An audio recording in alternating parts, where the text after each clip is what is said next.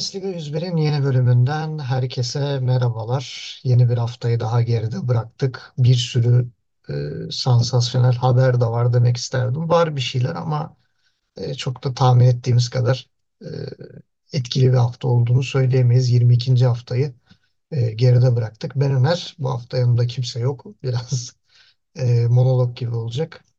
E, ne yazık ki. Zaten haftada e, pazar gününü saymazsak gerçekten e, böyle bir zevksiz geçti diyebiliriz. Yani 7 maçta e, sadece toplasanız 13 gol falan var. Yani maç başı 2 gol bile e, görmedik neredeyse. Ama pazar günü Freiburg, Frankfurt 3-3, Bochum'da Bayern Münih 3-2 ile geçti. Yani neredeyse e, geri kalan 7 maç kadar e, gol izletti bize pazar günü. E, tuhaf bir dönemden geçiyor Bundesliga. Özellikle önceki haftalarda da söyledik.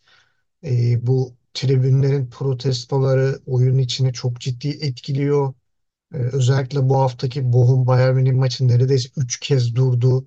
2 kez oyuncular soyunma odasına gitti. E, ben taraftarların tepkilerini anlıyorum ama bu durumun takımlarına ve oyunculara e, ciddi anlamda zarar verdiğini düşünüyorum. Yani o e, daha maça yeni başlamış oyuncular 15. dakikada 20. dakikada soğuyor. Tempo kaybediyorlar. Şimdi tam tersi bir durum da olabilir. Şimdi Bochum maçını e, konuşacağız ama e, önden şunu söyleyebilirim. Yani Bayern Münih 1-0 öndeydi. Sonra protesto yapıldığı için oyun bir durdu. Burada Bochum 1-0 önde olup momentumu da sırtına almış olsaydı e, bu taraftar şey yüzünden takım düşse atıyorum. Yani Bochum 2-1'e dö- getirdi e, maçı ilk yarıda. Bayern Münih 2-1'e getirse yani burada kimin yararından bahsedebilirdik? E, yani bu durumun bir şekilde bir çözülmesi lazım. Federasyon duruma bir el atması lazım. E, ben böyle düşünüyorum. Çünkü konu giderek can sıkıcı bir hale almaya da başladı. E, Cuma günden başlayalım. Köln-Werder Bremen maçı. E, Werder Bremen 1-0'lık e, galibiyetle çıkışını sürdürdü. Bir haftalık bir e, mağlubiyet arası verdiler ama sonrasında tekrar çıkışlarını devam ettiriyorlar. O beklenmedik Heidenheim mağlubiyetine rağmen e, bu hafta Köln'ü bir şekilde e, yenmeyi başardılar. Ya maçın biraz daha ortada olduğunu söyleyebilirim. Yani öyle iki takımın da birbirine müthiş üstünlük gösterdiğini söyleyemem ama e, Werder Bremen e, daha ciddi pozisyonlar bulan taraftı. Zaten 1.8'lik gol beklentisine karşılık 0.55'te kaldı. E, Köln ama yani şut sayılarına baktığın zaman 10 şut Köln'den 13 şut Werder Bremen'den %57 topla oynamış Köln ve topla daha çok oynayan bir taraf olmasına rağmen e, hatta neredeyse 5 kilometre daha fazla koşmuşlar. Yani 122 117.7 Werder Bremen. Yani Werder Bremen daha efektif e, kalmış diyebiliriz. Zaten kontrata çok seven bir takım. Bunu da özellikle e, Bayern Münih maçında ciddi ciddi bir şekilde görmüştük. E, gelelim cumartesi gününe Wolfsburg Dortmund maçı 1-1 berabere bitti. Yani biz e, Bundesliga 101 ekibi olarak eleştiriyoruz. Her ne kadar işte çevreden insanlara baktığı zaman Dortmund inanılmaz çıkışta çok iyi form tuttular e, gibi gözükse de aslında Dortmund sadece fikstür avantajının kaymağını yiyor. Yani başka hiçbir şey değildi. Zaten bunu e, iki, iki hafta önceydi sanırım. Heidenheim maçı. Evet iki hafta önceki 0-0 Heidenheim maçını söylemiştik. Heidenheim maçı bir gelsin formdalar mı değiller mi görelim diye. O maç 0-0 bitti. Hatta pek varlık bile gösteremediler. Belki Heidenheim elindeki pozisyonları cömertçe harcamasa e, bir mağlubiyet bile görebilirdik. E sonra zaten e, güçten iyice düşmüş haftalarda eleştirdiğimiz bir Freiburg 3-0'la geçtiler. Bu sefer de Wolfsburg deplasmanı 1-1. E, yani galibiyet alınan döneme bir bakalım. Hani e, bu 13 Ocak'tan beri oynadığı maçlar. Darmstadt deplasmanı. Darmstadt ligin sonuncusu. E, bir sonraki hafta Köln'e konuk oldular. E, Köln zaten Baumgart'la yollarını ayırdı. Transfer yasağı var. Bu mağlubiyet normal. İçeride Bochum. Gayet de kazanabileceğiniz bir maç. Yani 3 maç üst üste kazanmışsın. Sonra esas gücünü belli edecek Heidenheim deplasmana gidiyorsun. Varlık gösteremiyorsun. İçeri geliyorsun. Freiburg'u yeniyorsun. Dışarı gidiyorsun. Hiç de iyi durumda olmayan bir Wolfsburg'la yenişemiyorsun. Yani bu bence e, biraz endişe verici bir durum. Yani endişe vericiden kastım şu. Ya takım çok iyi gidiyor diye düşünenler için endişe verici. Çünkü yendiğiniz takımların çoğu zaten e, pek de iyi durumda değil. E, burada da mesela Wolfsburg karşısında öne geçmelerine rağmen sonrasında e, yani farkı arttırabilecek bir durum göremedik. Farkı arttıramadıkları gibi skoru da koruyamadılar. Ve bir anda e, ortaya bir birlik bir sonuç çıktı. Bir birlik sonucunda bence ben Dortmund açısından çok ciddi problemler doğuracağını düşünüyorum. Çünkü sonraki fikstür giderek zorlaşacak. Şimdi Hoffenheim'le oynayacaklar. Union Berlin deplasmana gelecekler ki Union Berlin e, ciddi toparlanma belirtileri gösteriyor. Formdaki Werder Bremen'e deplasmana gidecekler. İçeride bir Frankfurt maçı var ve sonra Der Klassiker geliyor. Mart'ın sonunda. Sonra e, Der Klassiker deplasmanından sonra içeride Stuttgart, dışarıda Gladbach, ondan sonra içeride Leverkusen, dışarıda Leipzig, sonra bir Augsburg, Mainz ve Darmstadt'ta ligi bitirecekler ama yani zorlu fikstürden Dortmund'un e, yani sağ çıkması çok mu- muhtemel gözükmüyor. Yani oynanan oyun, işte e, verilen bir güven durumu yok. Yani rakiplerin zayıflığından dolayı biz doğru düzgün Dortmund'un e, ciddi zorlandığını görmedik. Ama Wolfsburg da iyi durumda değilken bir şekilde beraberliği alıp e, skoru koruyabilmesi Dortmund adına endişe verici. Yani daha üst kalibre takımlara karşı Dortmund ciddi anlamda zorlanacaktır. Wolfsburg tarafında da işler hiç iyi gitmiyor. Yani e, haftalardır e, özellikle ligin ikinci yarısında çok ciddi bir düşüş var. Ligde 12.liğe kadar düştüler ki bu hafta gene yerlerini korudular 12.likte. Ama şu an puanları Union Berlin'le eşit. Yani çok uzun zaman galibiyet alamayan bir Union Berlin'den bahsediyoruz. Onunla puanları eşitliyorsunuz. Hemen altınızda Augsburg var 23 puanla. Hemen altında da küme düşme hattının bir üstündeki 15. sırada Gladbach 22 puanla. Burada onları e, bir tık kurtarabilecek şey e, 16. Köln'ün 16 puanı var. 8 puan üstünde. Biraz daha kendilerini güvende hissedebilirler. E, burada aldıkları bir puan da onlar için çok daha önemli. E, XG'lere baktığın zaman 1.73'e 1.47 Wolfsburg'un üstünlüğü var. Topu da verdiler. %62 topla oynadı Dortmund. %38 oynadılar ama e, XG'ye baktığın zaman demek ki çok ciddi pozisyonlar içerisine girmiş diye düşünebiliyorsunuz e, Wolfsburg için. Ve e, daha da ilginci Wolfsburg sanki 12 kişiymiş gibi oynamış adeta. 127.1 kilometre koşmuşlar. E, ben daha önce 127 kilometre koşan bir takım hatırlamıyorum. Yani 125'leri gördük Union Berlin'de, Köln'de. Yanlış hatırlamıyorsam belki bir 126 da görmüş olabiliriz ama 127 gerçekten hatırlamıyorum.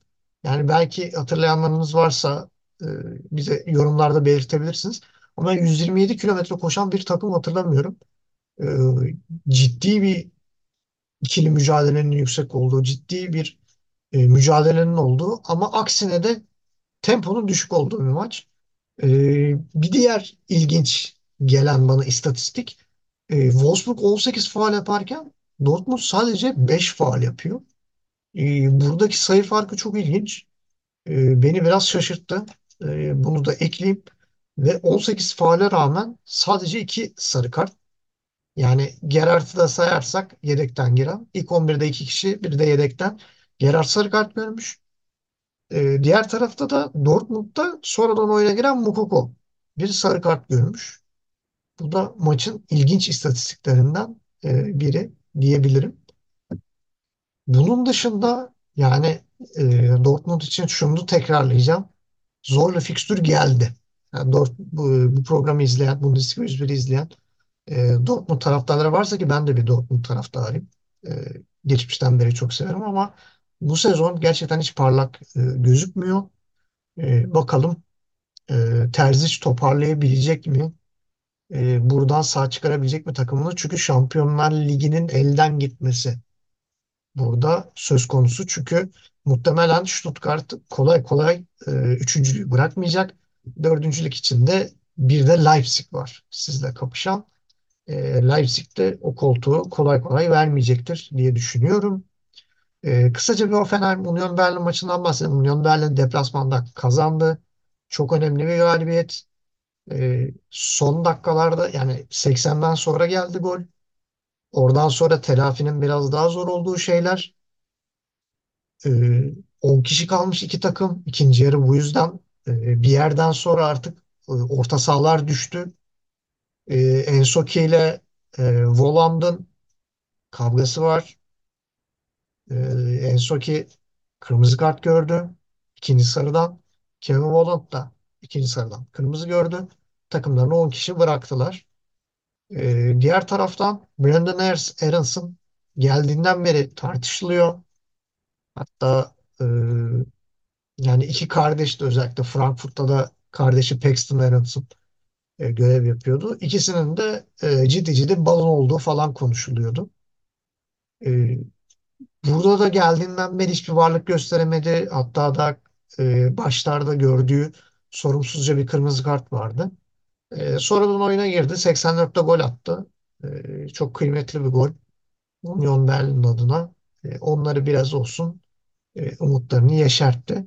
E, 1.45'lik gol beklentisine ulaştılar. Hoffenheim 1.09'da kaldı. Topla %62 oynamasına rağmen 16 şut atmasına rağmen e, Hoffenheim golü bulamadı.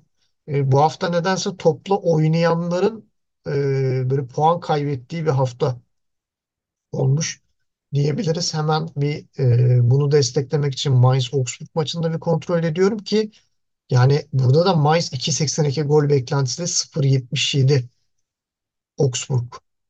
E, ciddi bir baskı var. E, Mainz 18 şut çekmiş ama %47 ile topla oynamışlar. Yani bu e, biraz önce söylediğimi e, destekleyen bir sonuç görüyorum. Bunun e, tersi sonuç çıkaran belki de tek maç bilmiyorum. İlerleyen maçlara da birlikte bakacağız. Heidenheim, Leverkusen. Leverkusen bir şekilde kazanmayı bildi. 2-13'lük gol beklentisinden 2 gol buldu. Heidenheim'de 0.78'den 1 gol buldu. Ee, toplamda 6 şutu var Heidenheim'ın. Leverkusen 17 şutu var ama sadece 4 tanesi kaleyi buldu. Ee, bu da ciddi bir sıkıntı. 56'ya 44'lük toplu oynamada üstünlüğü var. Leverkusen'in e, normalde daha fazla toplu oynadığı için bir tık daha az koşmasını beklersiniz ama Leverkusen 300 metre daha fazla koşmuş ki kafa kafaya diyelim 122.7 Heidenheim 123 kilometre Leverkusen Leverkusen'in bu seviyelere çıktığını çok fazla görmeyiz. Ama Xabi Alonso yani rakip analizini o kadar iyi yapmayı başarıyor ki artık rakip takımın iyi yaptığı ne varsa daha iyisini yapmaya çalışıyor. Bu da çok ciddi önemli bir şey. Ve burada dikkatimizi çeken bir başka hususta kazanılan top. Yani top kapma sayılarında Leverkusen'in 103'e 81'lik bir üstünlüğü var. Bu ne demek? Leverkusen Heidenheim'a çok fazla pozisyon vermemiş aslında temelde. Bunun sebebi de aslında e, önde tekrar top kazanmaları demek. Çünkü normalde savunma yapan takımın daha çok top kapmasını bekleriz ama burada tam tersi bir söz konusu. Burada da Heidenheim 15 faal yapmış. Leverkusen'in ise sadece 5 faali var. E, Frimpong da 6 şut çekerek maçın en fazla şut çeken oyuncusu olmuş. En fazla koşan oyuncu da Leonard Maloney. Bu ismi e, bu aralar çok sık e, duyuyoruz. Özellikle Bundesliga tarafında özellikle yayıncı kuruluş da çok e, ismini dile getiriyor Heidenheim maçlarında. Heidenheim'ın Kleindienst'le yani forvetiyle birlikte o da iki e, hava toplarında e, çok başarılı bir oyuncu. Açık arada hava toplarında lider. E, Maloney de en çok koşan oyuncu 263.8 kilometre ulaşmış. E, hemen arkasında Granit Xhaka ve Grimaldo var. 261.8 ile Granit Xhaka, 256.5 ile Grimaldo. E, burada da Leverkusen'in de aslında belli oyuncularının çok ciddi koşu mesafelerine ulaştığını görebiliyoruz. Heidenheim için e, burada bir kaybedilmiş bir şey yok. E, ellerinden geleni yaptılar. E, 2-1'lik bir sonuçta e, boyunlarını bükmeleri gereken bir sonuç değil. Sonuçta rakibiniz namağlup e, ligin lideri. E, bir önceki hafta Bayern Münih'i 3-0 ile geçmiş. E, bence Heidenheim buradan başı dik bir şekilde e, yoluna devam edecektir. E, Bayer Leverkusen ve Bayern Münih'ten sonra bu sene en ilginç takımı Stuttgart. E, onlar da Darmstadt deplasmanındaydı. Biraz gitgelli bir maç oldu. Çünkü e, maç başı 14. dakikada Giresun'un golüne rağmen Stenzel 45'te kırmızı gördü. İkinci yarı biraz daha sancılı geçti Stuttgart adına. E, 90 artıda 2 gol geldi. Önce Davut skor 2-0'a taşıdı. Sonra Seydel'in çok güzel golü. Yani neredeyse e, 90'ı birleştiren iki direğin altına çarparak girdi. Yani top 90'a gitti bile diyebiliriz. E, bu şekilde maç 2-1 bitti. 2.17'ye 2.31 e, gol beklentileri. Özellikle Stenzel'ın kırmızı kartından sonra Darmstadt ciddi baskın geldi. %54 toplu oynama, 21 şut, 9'u kaleyi buluyor. E, sadece bir pozisyon gol oldu. 8 kurtarış var. Geçen sene zaman zaman Florian Müller kesildikten sonra Bradlow'un çok güzel performansını izlemiştik. E, bu sefer de izledik. E, Bradlow e, özellikle ana kaleci yani birinci kaleci e, Nübel'in yokluğunda e, kaleyi gerçekten e, kalesinde devleşen performanslar gösteriyor diyeyim. Kalesini ciddi anlamda e, gole kapatıyor. Burada da demin söylemiştik 127.1 kilometre daha önce görmedim dedim. Şimdi Darmstadt'ın 127.7'sini gördüm. E, yani bu hafta e, golden çok koşu mesafelerinin inanılmaz seviyelere çıktığını e, görüyoruz. Bunun biraz sebebi de maçların da durması olabilir. Yani bu protestolar sebebiyle oyuncular bir tık da dinlenebiliyor. Tekrar daha fazla koşuyor da olabilirler bilemiyorum. Ama maçlar inanılmaz derecede uzuyor. Yani artı 15'ler, artı 18'ler, artı 20'lere kadar geldik. Ee, bitmeyen maç yapmışlar ee, gibi bir şey söylesek çok da abartı kaçmaz. Burada e, haftanın da en çok faal yapılan maçı 29 faal var. 15'i Darmstadt'a, 14'ü de Stuttgart'a ait. Stuttgart bir şekilde 10 kişi kalmasına rağmen e, kazasız belasız 2-1 kazanmış. E, üçüncülük yerindeki sağlam yerini e, yerini iyice sağlamlaştırmış diyelim. E, gelelim Leipzig'e. Onlar da e, sallantılı performans gösteriyorlar. E, hafta içi Şampiyonlar Ligi'nde Real Madrid'e çok ciddi zorluk yaşattılar. Hatta bana sorarsanız bir de e, yani Real Madrid'e karşı yapılan bir haksızlık var. Leipzig'e maçları maçı izlemiş olanlar anlayacaktır. Yani e, Real Madrid'in çok bileğinin hakkıyla kazandığını söyleyemeyiz o maçla alakalı. Cidden e, Leipzig bir tık daha iyi oynadı e, Real Madrid'den her ne kadar istediği sonucu alamamış olsa da. E, maça gelelim. Leipzig 2-0 kazandı. Gladbach'ı ben e, bugüne kadar gördüğüm hücum anlamında özellikle en silik maçlarından biri. Kaleyi tutan şut yok. 13 tane şut dışarı gitmiş. 0.61 gol beklentisine kalmışlar. Diğer taraftan da Leipzig 1.51 gol beklentisinden 2 gol bulmuş. Topla daha çok oynayan taraf. Gladbach şaşırtıcı derecede %52 48. Pas sayıları bile kafa kafaya. Koşu mesafesinde de Leipzig'in yarım kilometre fazlalığı var. 117.2, 116.7. E, bu haftanın belki de en az koşulan maçı, en az eforlu olan maçı diye düşünebiliriz. E, Leipzig şimdi e, önümüzdeki hafta e, Bayern Münih ile oynayacak. E, şimdi Bayern Münih'i de konuşacağız. Orada da ortalık çok karışık. E, yani Leipzig için şu an e, bulunmaz bir senaryo var ortada. Yani daha iyi bir e, senaryo bulamazlardı. Allianz Arena'ya gidiyorsunuz ve Bayern Münih karışmış durumda. E, tam tersi de olabilir ama Bayern Münih'in geri dönüş maçı da olabilir. Yani iki dengesiz takımın maçı olacağı için haftaya e, Bayern Münih'teki bu karışıklığın iyi mi kötü mü olduğunu hep birlikte anlayacağız. Bakalım Marco Rose e, Tuhel'e karşı neler hazırlayacak. O da Tuhel'e ters gelen hocalardan biri esasında ama e, neler olacak göreceğiz. Şimdi bana göre haftanın en iyi maçı Freiburg, Frankfurt ki bu maçtan gerçekten hiçbir beklentim yoktu. E, ama yani inanılmaz keyifli, inanılmaz e, tempolu, zaman zaman böyle nasıl oldu ya falan dediğim e, pozisyonlar gördüm. Özellikle Frankfurt'un bulduğu pozisyonları çok iyi değerlendirmesi ki şunu şunu e, bu fikrimi şunu da destekleyeceğim. XG'sine baktığın zaman Frankfurt'un 3 golüne rağmen 0.85'lik bir gol beklentisi. Yani Knaf'ın attığı 2 gol, e, Marmuş'un attığı gol bunlar ve belki de kaçanlar. Yani 3 golün dışında kale, kaleyi tutan 3 şut daha var. 0.85'i ifade ediyor. E, bu çok ilginç. Yani 0.85'ten 3 gol bulmak gerçekten Frankfurt'un ne kadar fırsatçı bir maç çıkardığını gösteriyor. Ama 3 kez öne geçmesine rağmen 3'ünde de skoru koruyamadılar. 27'de Marmuş attı. 3 dakika sonra Ritsu Doğan cevap verdi. Ritsu Doğan'dan 5 dakika sonra Knopf attı. 35. dakikada sonra Grifo cevap verdi 45'te. İlk yarı böyle 2-2 bitti. İkinci yarı 72'de Knopf tekrar takımın öne geçirdi. 90. dakikada Gregoric skoru ilan etti. Gerçekten e, acayip tempolu, e, özellikle son dakikalarda gitgelli bir maçtı. 126.6 kilometre koştu Freiburg, 126.2 koştu Frankfurt. Yani nereden baksanız 250 kilometrenin üzerinde koşulan bir sahayı aşındırmışlar. desek e, çok da yanlış olmaz. Haftanın bence en keyifli maçıydı. Frank, Freiburg Frankfurt maçı. E, son maça geleyim. E, ki haftanın en olay yaratan maçı. Bochum kendi sahasında Bayern Münih 3-2 ile geçti. E, Upamecano da acaba Bayern Münih tarihine geçmiş midir? Bir hafta içerisinde iki kez kırmızı kart gören oyuncu olarak. E, hafta içi kaybedilen Lazio maçında penaltı yaptırıp e, kırmızı kartla oyundan atılmıştı.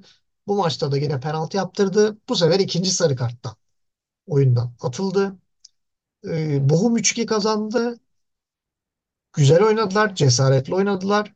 E, özellikle ilk golü bulduktan sonra yavaş yavaş cesaretlendiler. 2-1 olduktan sonra daha da cesaretlendiler. Yani normalde e, Bochum'dan e, bu kadar böyle bir dirayetli bir e, savunma anlayışı beklemezdim. Yani özellikle orta sahada çok iyi direndiler. E, bir an için umutsuzluğa kapıldıklarını görmedim. Hani Bayern Münih buradan çevirir.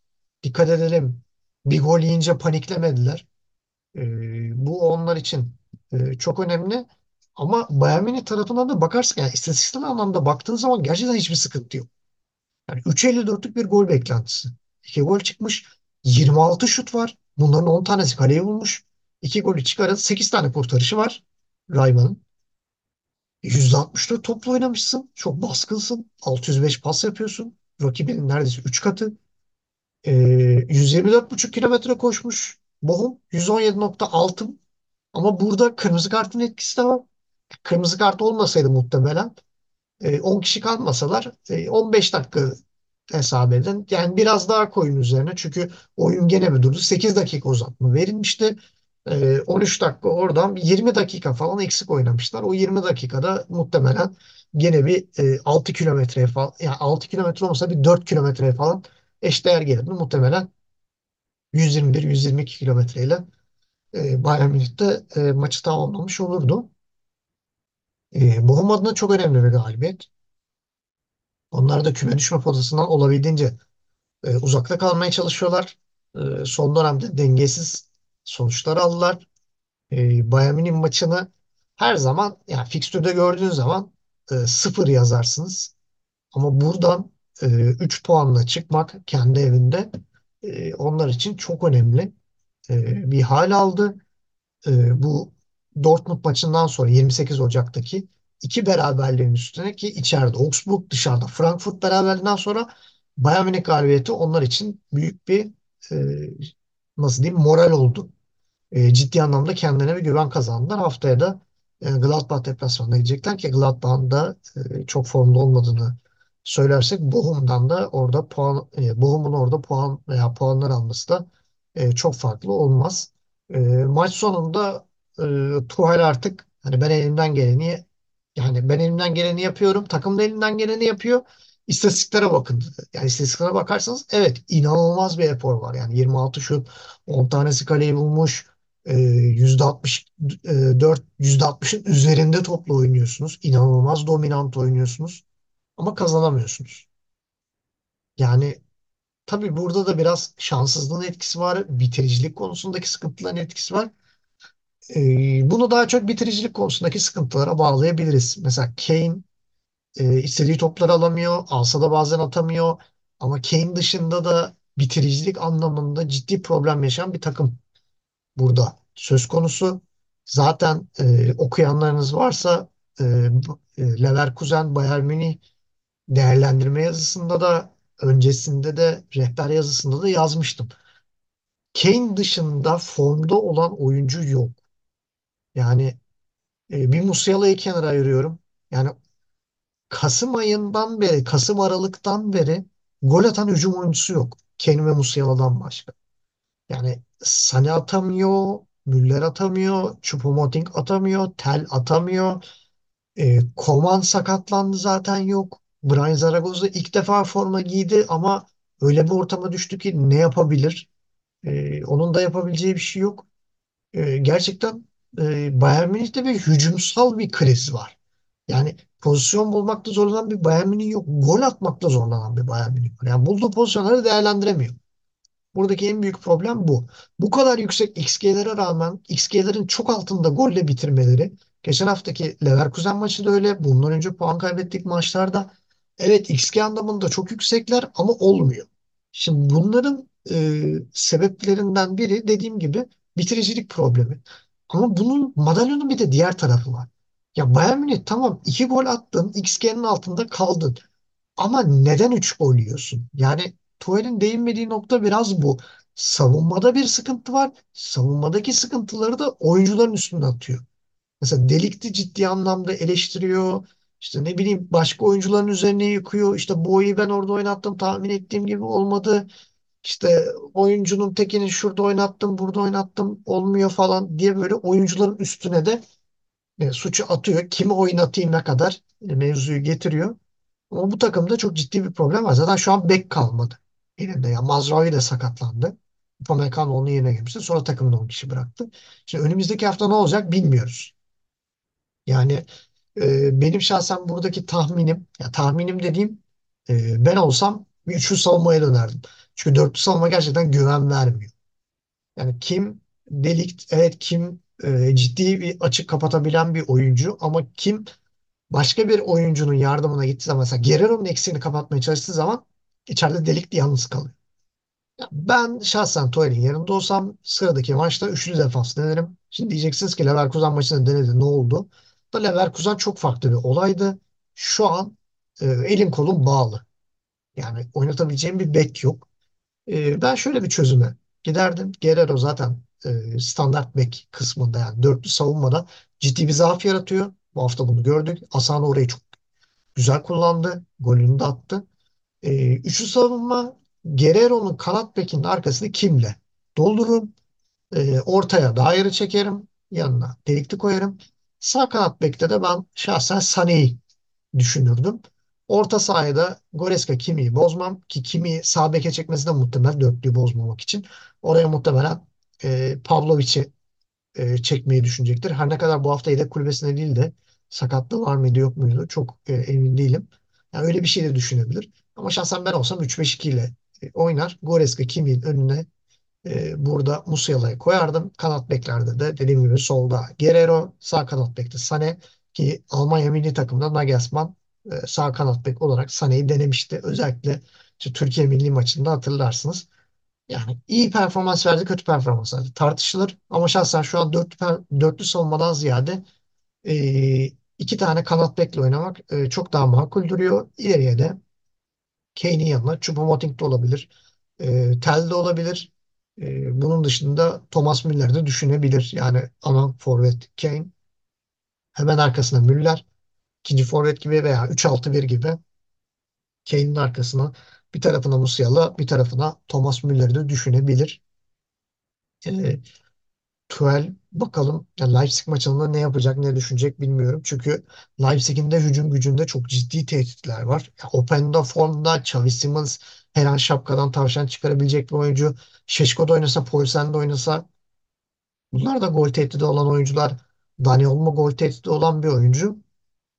Bunları durdurmak için nasıl bir plan sergileyecek? O da e, bence önemli bir yer tutacak. Zaten Leipzig'in çift forvet oynadığını düşünürsek e, savunmada bir oyuncunun aksaması bir anlık eksik yakalanmak e, Bayern Münih'in çok ciddi e, sorun yaşamasına sebep olacaktır.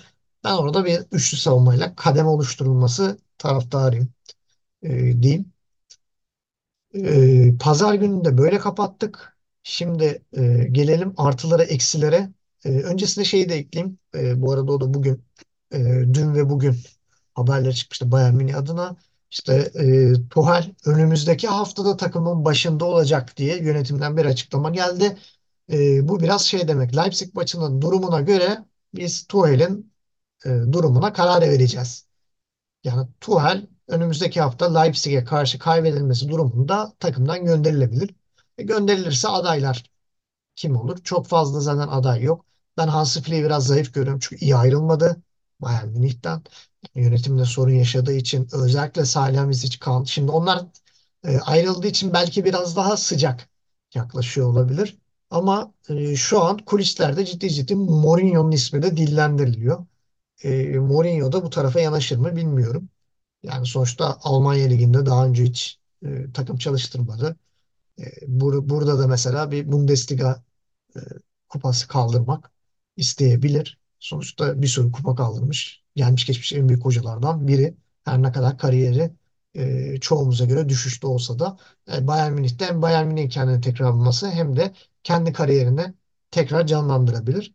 E, bence bu biraz Tuchel'in e, koltuğunu sallantıya girmesine sebep oluyor olabilir. Ama buna rağmen gene de e, ciddi anlamda Tuchel'e güven var.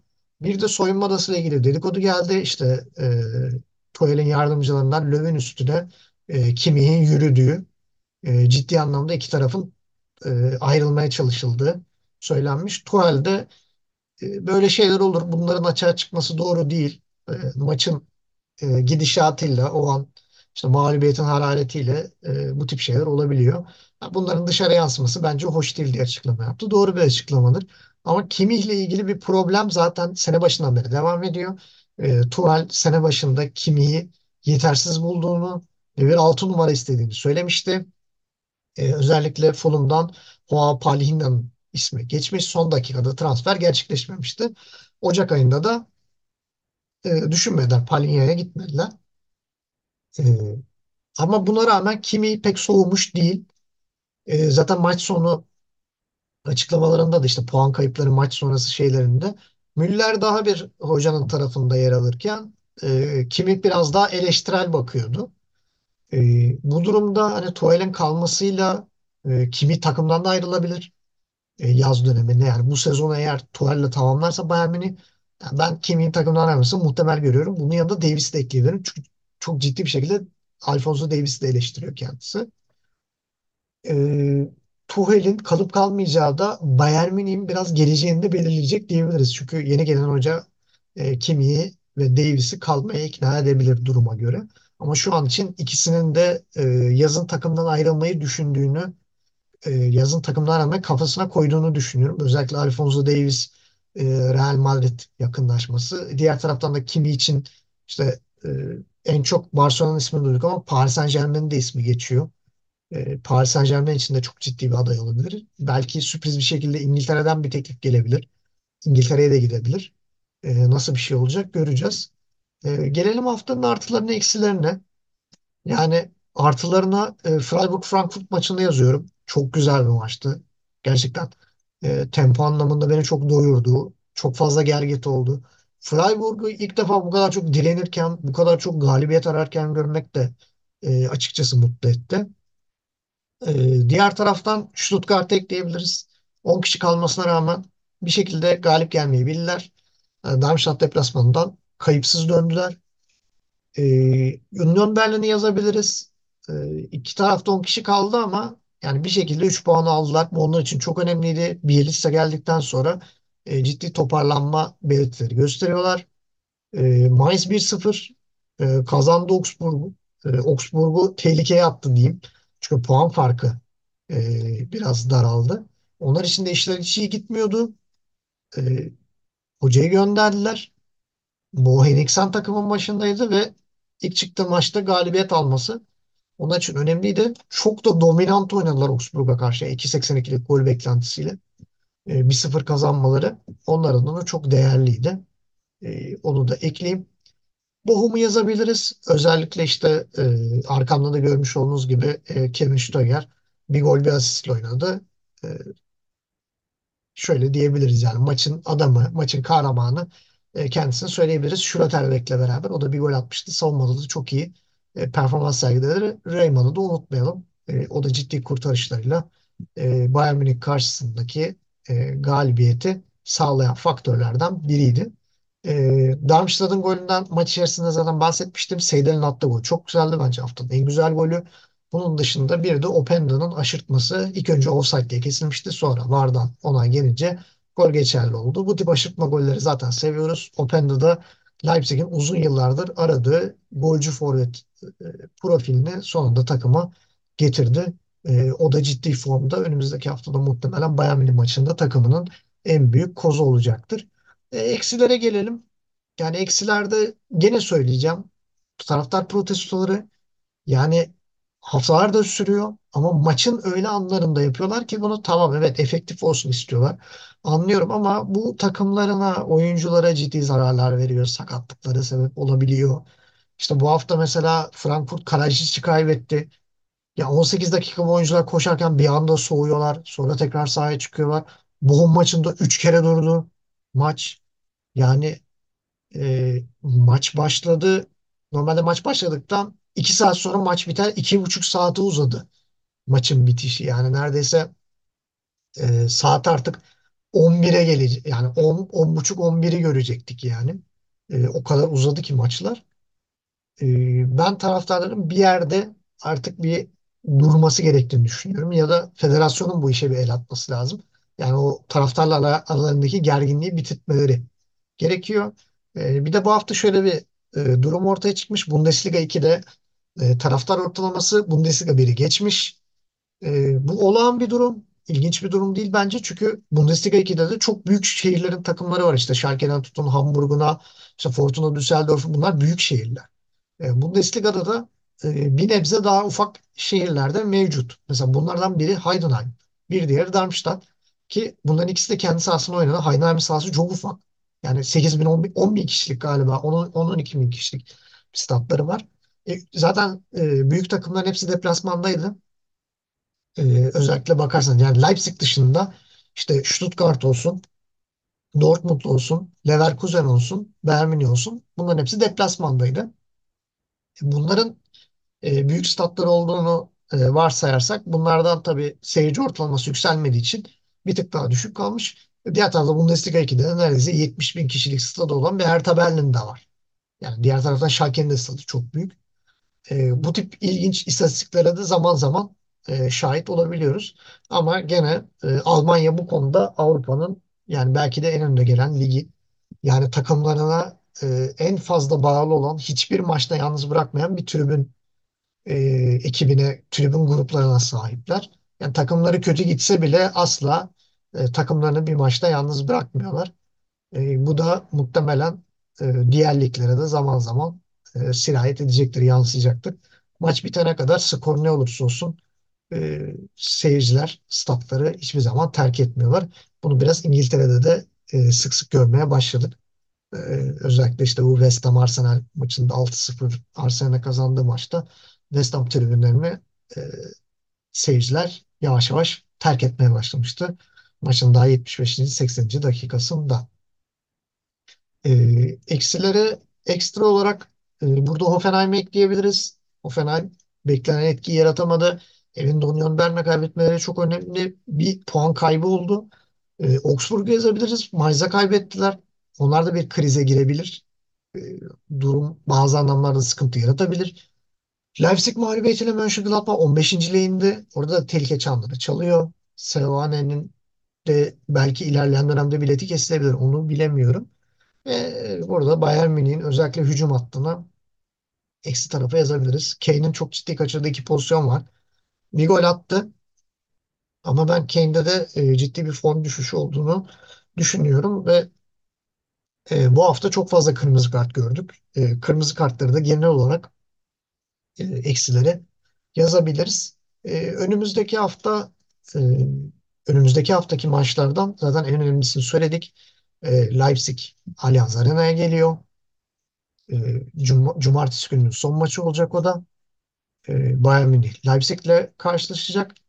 E, Leverkusen bir önceki gün Cuma günü Mainz'ı ağırlayacak. Bir nebze daha kolay bir maç Leverkusen için. Ama Mainz da bu haftaki galibiyetle bir tık çıkış yaptı. E, ilginç bir maç izleyeceğiz. Ona şüphe yok. Stuttgart Köln'ü ağırlayacak. Union Berlin, Heidenheim, Mönchengladbach, Bochum, Werder Bremen, Darmstadt maçları Cumartesi günü. E, Pazar günü 3 maç var. Frankfurt, Wolfsburg'u, Dortmund, Hoffenheim'ı, Augsburg'da Freiburg'u konuk edecek. E, bakalım önümüzdeki hafta neler olacak. Umarım e, daha güzel, daha bol, daha zevkli, daha gollü maçların oldu. E, bir haftayı geride bırakırız. Bu hafta Bundesliga 101'den e, bu kadar. Önümüzdeki